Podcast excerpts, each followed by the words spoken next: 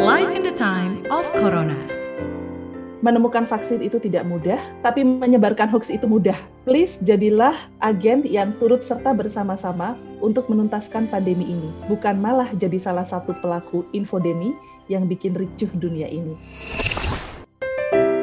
Life in the time of Corona. Halo, ketemu lagi di podcast Live in the Time of Corona bareng sama saya Ines Nirmala di episode kali ini.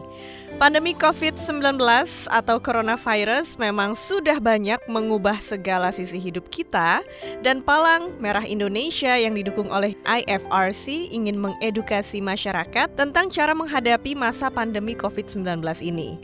Kiat-kiat ini akan kami kemas dalam serial diskusi menggunakan media podcast yang menghadirkan narasumber-narasumber yang kompeten di bidangnya. Dan kembali lagi mendengarkan live in the time of corona untuk episode kali ini dengan tema hati-hati hoax vaksin COVID-19.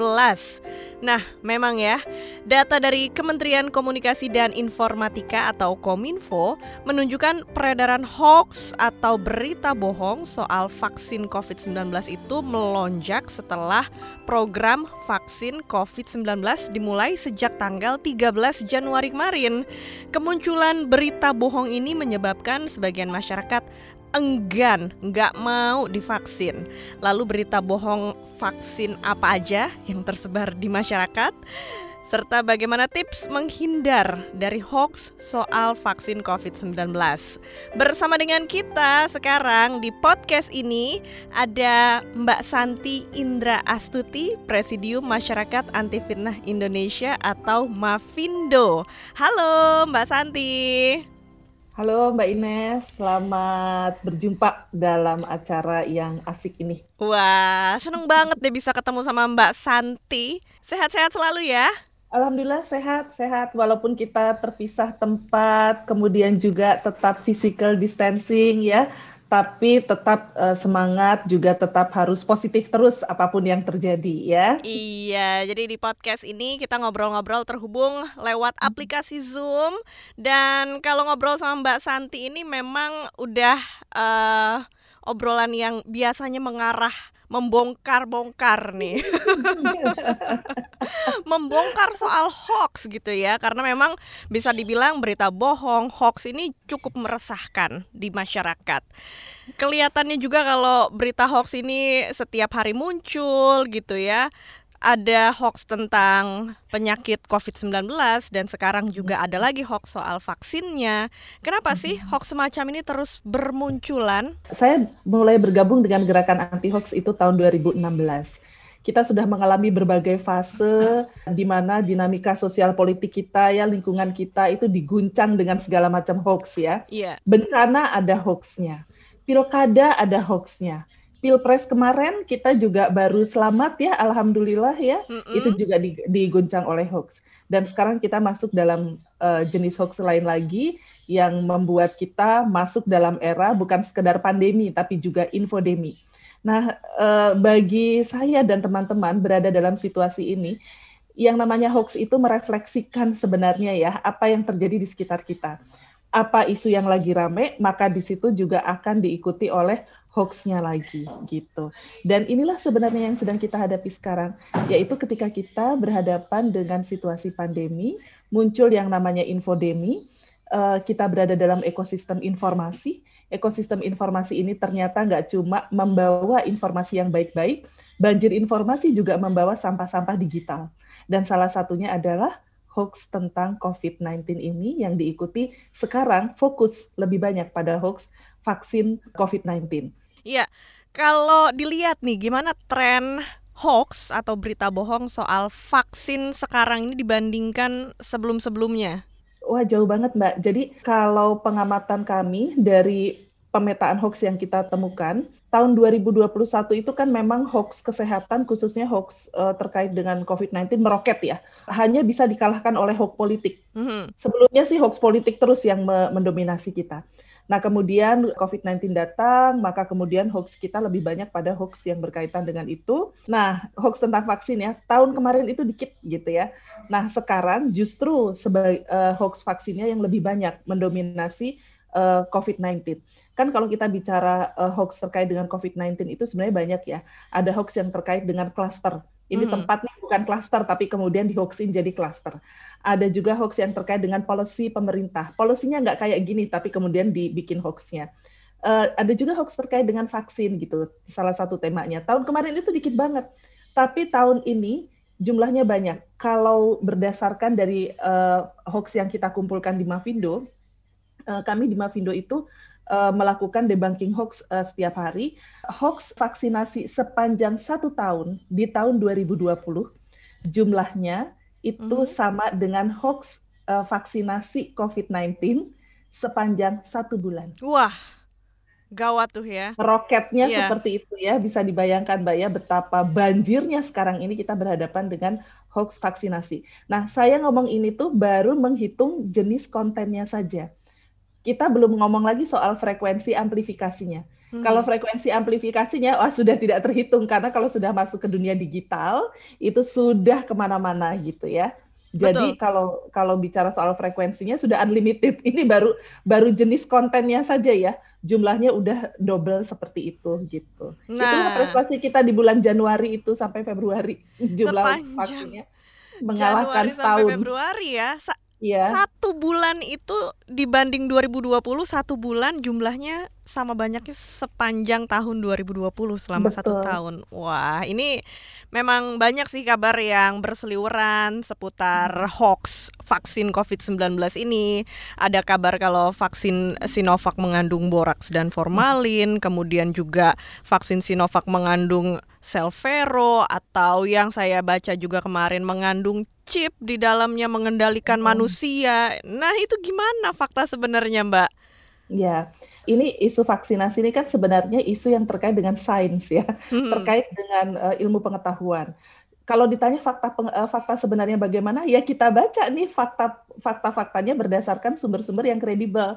Apakah itu dari jurnal, apakah itu dari tenaga kesehatan gitu ya, apakah dari dokter dan sebagainya. Walaupun kita juga harus milih-milih karena tidak semua tenaga kesehatan itu ternyata juga bisa uh, betul-betul terbebas dari hoax gitu ya. Nanti kita ngobrol lagi yeah, ya yeah, yeah. Nah, tapi pegangan kita kalau kita bicara soal vaksinasi, mari kita bicara dari sumber yang kredibel. Dan sumber yang kredibel itu sebenarnya ada di mana-mana. Jangan sampai kita tergoda untuk mengikuti sumber-sumber yang tidak kredibel. Nah, karena vaksinasi isunya adalah isu sains, maka memang yang harus kita pakai adalah cara pandang sains. Hoax itu sebenarnya gampang membedakannya dengan yang bukan hoax karena dia pasti akan mengganggu emosi kita jadi kita dibikin emosional dulu gitu, dibikin ditakut-takutin dulu. Nah, kalau sudah seperti itu, apa pun yang dia bawa sebagai klaim, ya itu sih cuman klaim aja. Uh, tapi yang paling uh, diguncang pertama kali adalah emosi kita.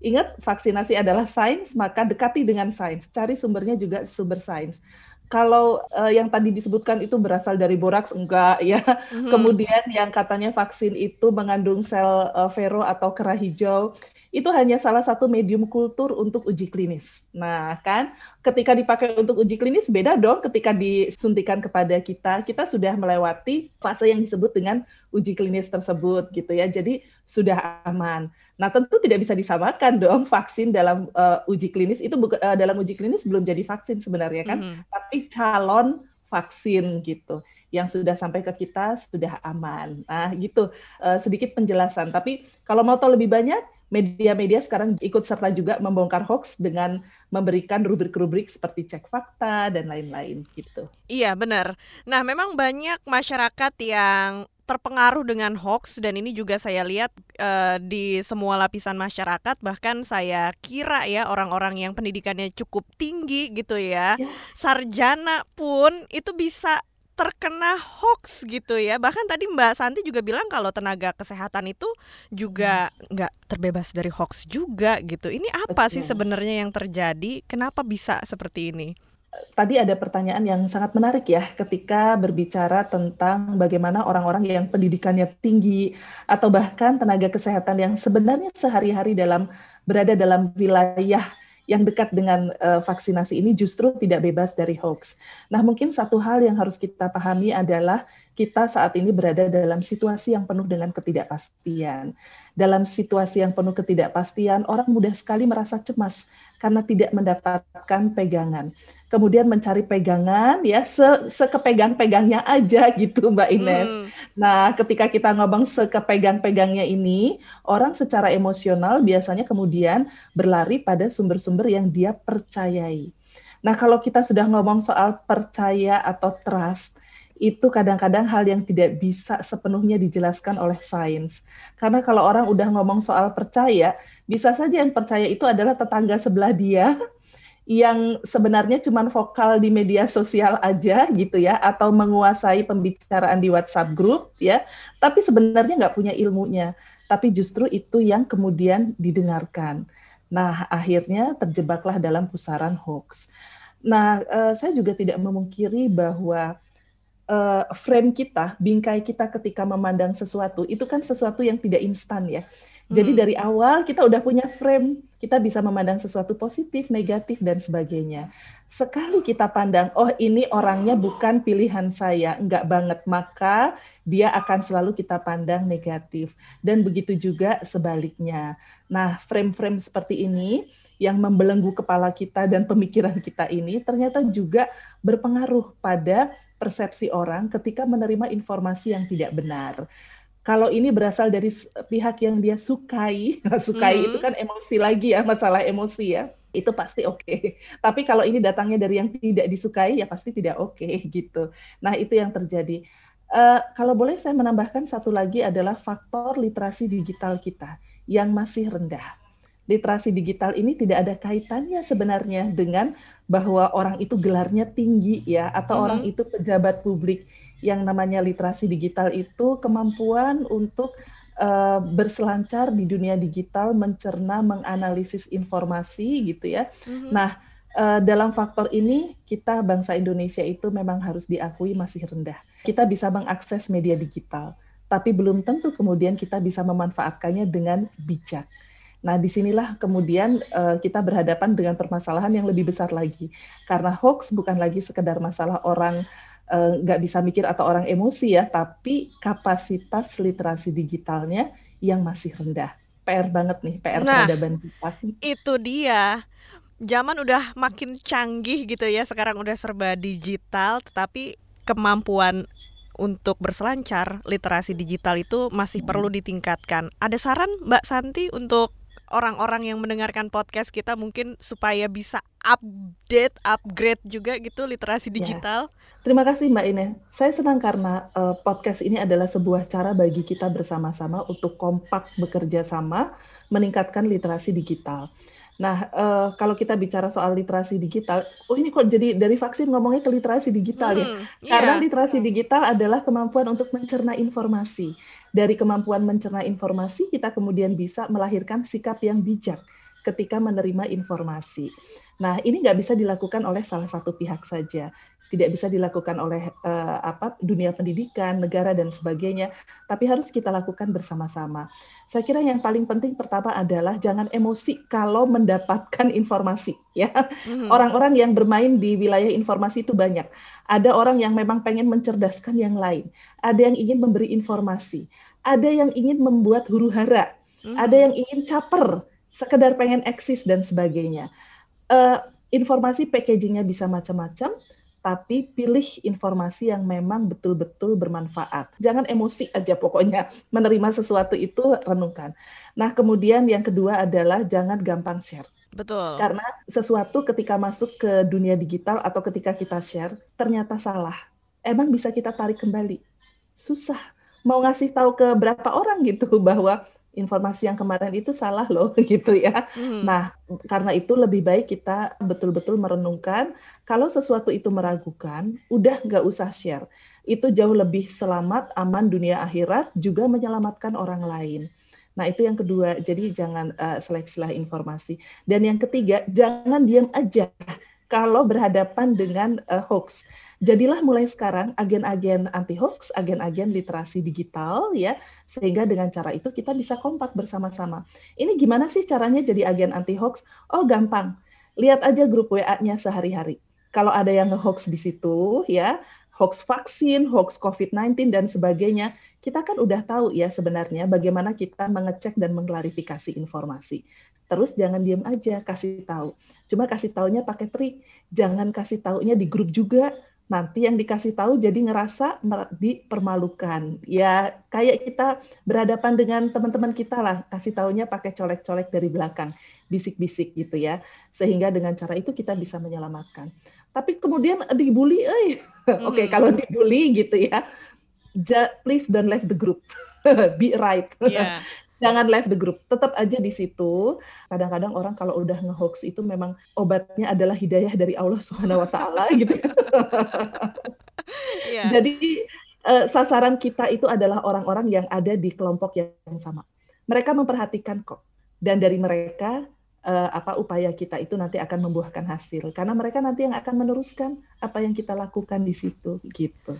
Karena kita juga bisa ngasih tahu lah ya paling enggak ikut membantu mengedukasi sesama kita supaya nggak terjerumus gitu ke dalam berita bohong. Boleh Mbak dikasih tahu lagi uh, selain mengganggu emosional, apalagi sih ciri-ciri berita hoax itu? Uh, pertama adalah dia mengandung kata-kata yang sugestif. Kata-kata sugestif ini misalnya adalah viralkan. Jangan biarkan informasi ini berhenti di kamu gitu ya. Tolonglah orang lain dengan begini begitu ya. Pokoknya ada kata-kata halus seperti itu. Hmm. Kemudian dia biasanya memberikan klaim bukti. Namanya hoax itu kan harus terlihat meyakinkan ya. Maka kemudian dia pakai klaim bukti. Yang disebut klaim bukti apa? Bisa dengan attach uh, atau memberikan gambar.